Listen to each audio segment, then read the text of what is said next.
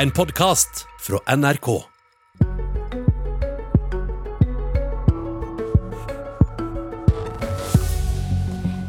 Kommuner, regioner, politidistrikt og tingretter, det den gamle regjeringen slo sammen, vil den nye oppløse igjen. Men eh, la domstolene være, sier Barneombudet i dag. Og får støtte fra Høyre, som mener regjeringen lider av blind reverseringsmani. Ja, For et eh, drøyt halvår siden, i april i år, så ble domstolsreformen gjennomført. Da hadde vi en annen regjering som sørga for at 60 tingretter ble redusert til 23. Nå har vi en ny regjering, og nå skal de gamle tingrettene løses opp igjen. Og vi har hørt deg advare absolutt hele morgenen, barneombud Inga Beyer Eng, men forklar oss hvilken type saker er det du mener kan stå i fare, kan være en, en større fare for barns rettssikkerhet fordi domstolene administreres eller organiseres på en annen måte?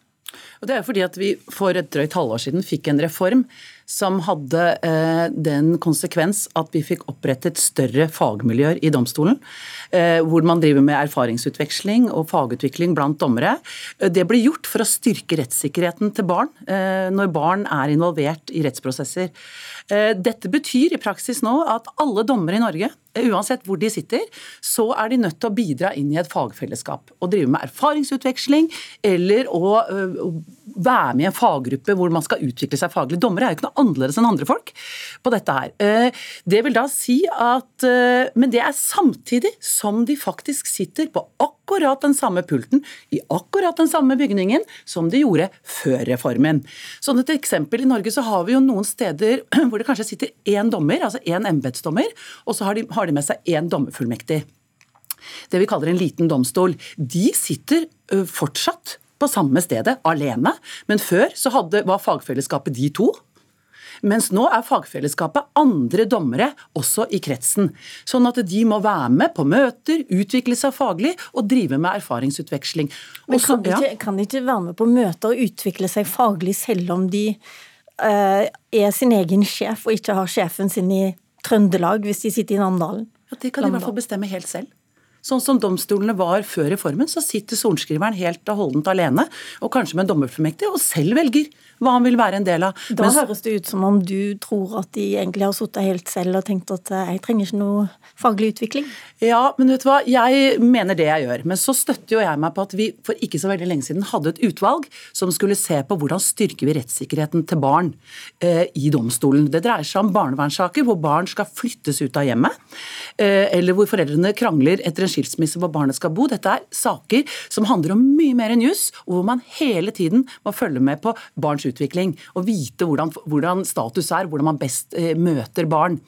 Eh, det utvalget var helt tydelig på at hvis vi skal styrke rettssikkerheten til barn i domstolen, så må vi ha større fagmiljøer. Reformen ble et svar på det. Og Det er derfor jeg er alvorlig bekymret for nå, at de skal gå tilbake og gjøre det motsatte av det. Og Det som jeg, synes, som jeg tenker jeg håper at justisministeren svarer på, er at her har vi eh, hatt bl.a. Høyesterett, enstemmig Høyesterett, som i sin støtte til reformen sier at vi for å styrke rettssikkerheten, så må vi ha større fagmiljøer eh, for å få bedre kvalitet i domstolen. Men det regjeringen gjør nå, med reformen, med å reversere det fagfellesskapet, det er akkurat det motsatte av det Høyesterett mener styrker rettssikkerheten. Og Da er jeg bekymret for om regjeringen har tatt opp i seg at ved alle avgjørelser som berører barn, og det følger av en egen grunnlovsbestemmelse, så plikter regjeringen å vurdere barnets beste. Eh, og hvordan regjeringen her har vurdert barnets beste når de sier at nå skal den enkelte eh, eh, domstol med kanskje én eller to ansatte selv få lov til å bestemme om de skal være med inn i et større fagfellesskap, eller om de f.eks. skal eh, måtte ta saker fra en annen eh, domstol i kretsen som har mer å gjøre, når de har mindre å gjøre. Det tjener jo barna og borgerne på best mulig måte. Det var et langt partsinnlegg, og du skal få slippe å være med i debatten, ja. men du fikk snakke mye i starten. Velkommen, justisminister Emilie Enger Mehl. Takk.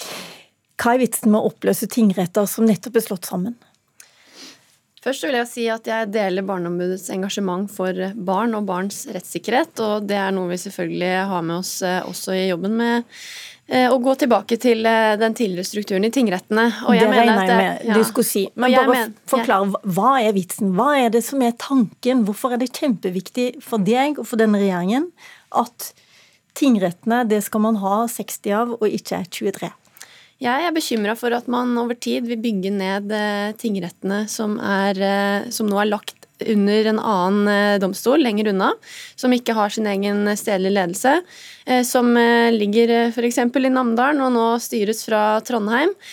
Fordi at Kan ikke du bare bestemme at Namdalen det skal bli, for det er det som ligger der per i dag? Mm. Det kan jeg, men jeg er opptatt av at vi får en god prosess på dette. Eh, vi har sagt i Hurdalsplattformen at vi ønsker å gå tilbake til den gamle strukturen, med mindre kommunene, de ansatte og sorenskriverne er enige om at den nye strukturen er best.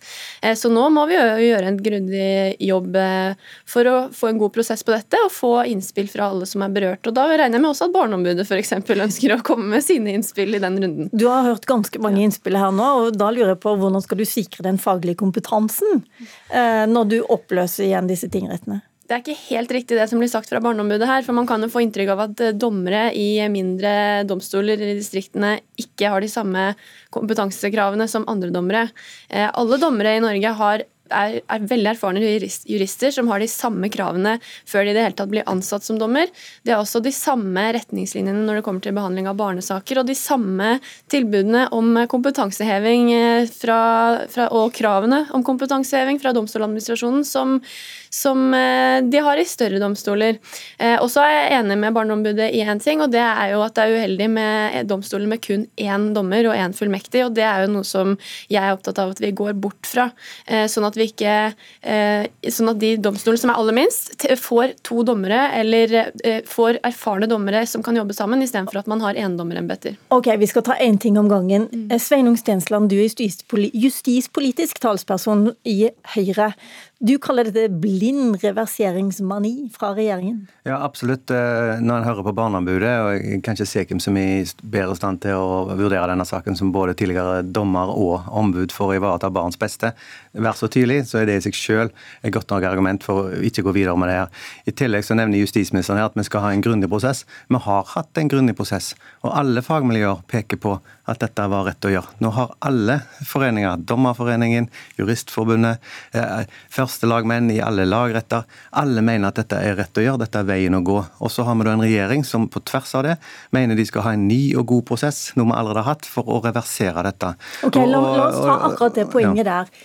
Emilie Enger Mehl, det er sant som, som eh, Stensland sier, at uh, Dommerforeningen, Høyesterett, 23 sorenskrivere, det er de som finnes nå, som er ledere for disse tingrettene, de ber deg om å la domstolene være. Hvem er det som sier at nei, løs de opp?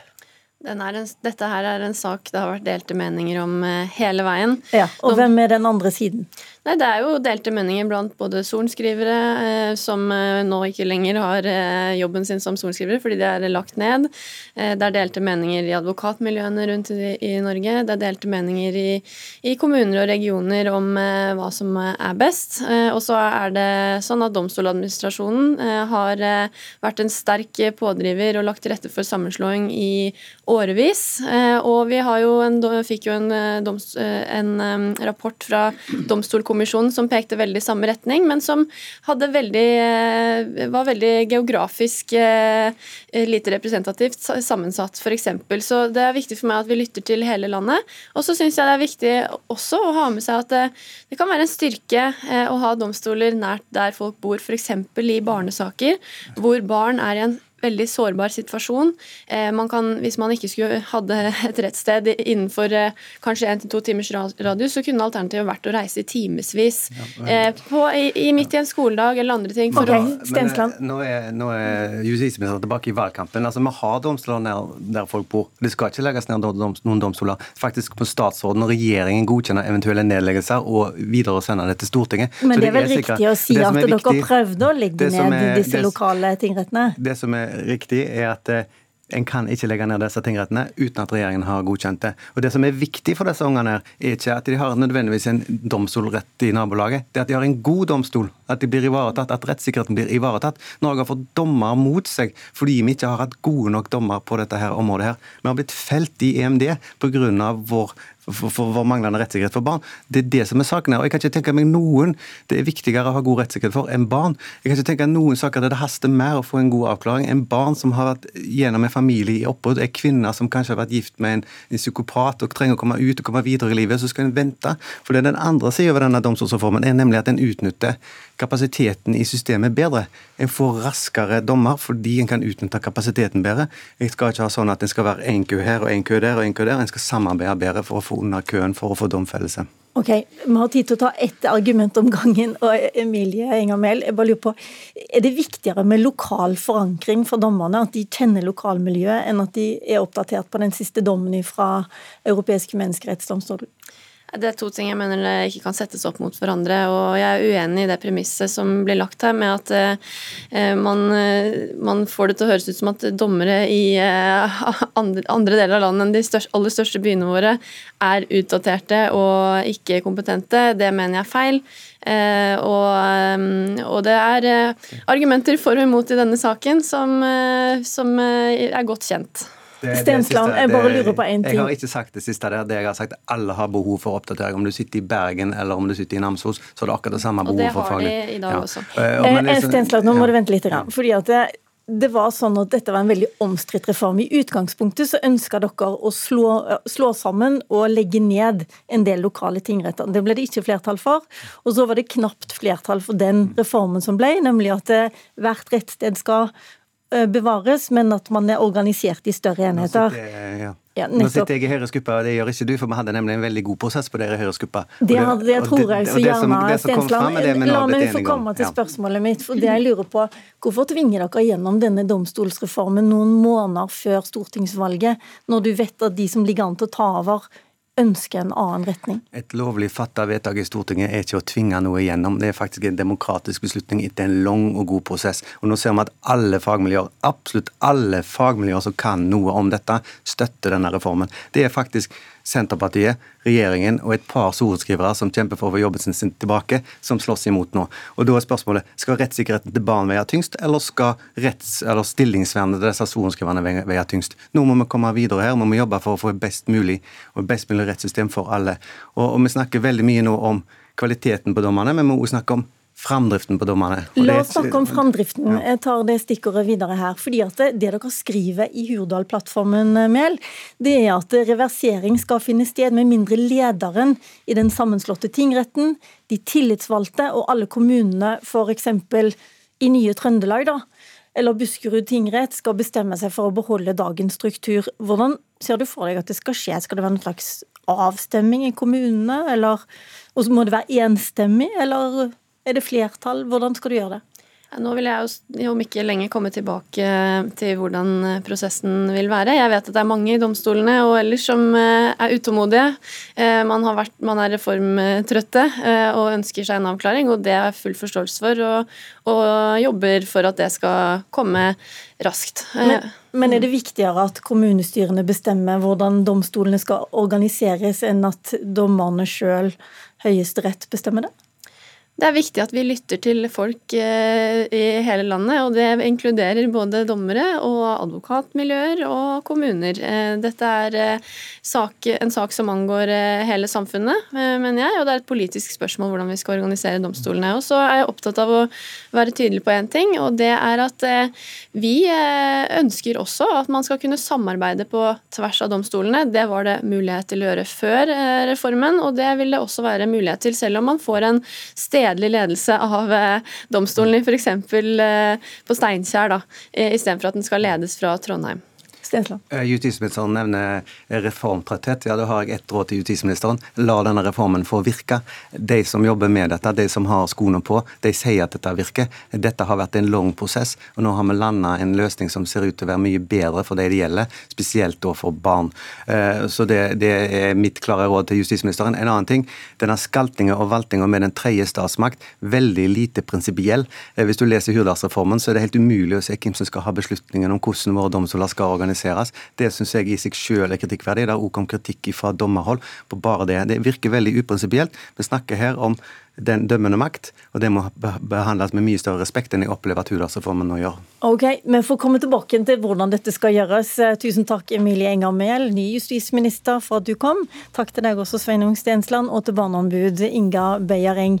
Vår tid i Politisk kvarter er ute. Husk at du kan høre oss når som helst i radioappen NRK Radio.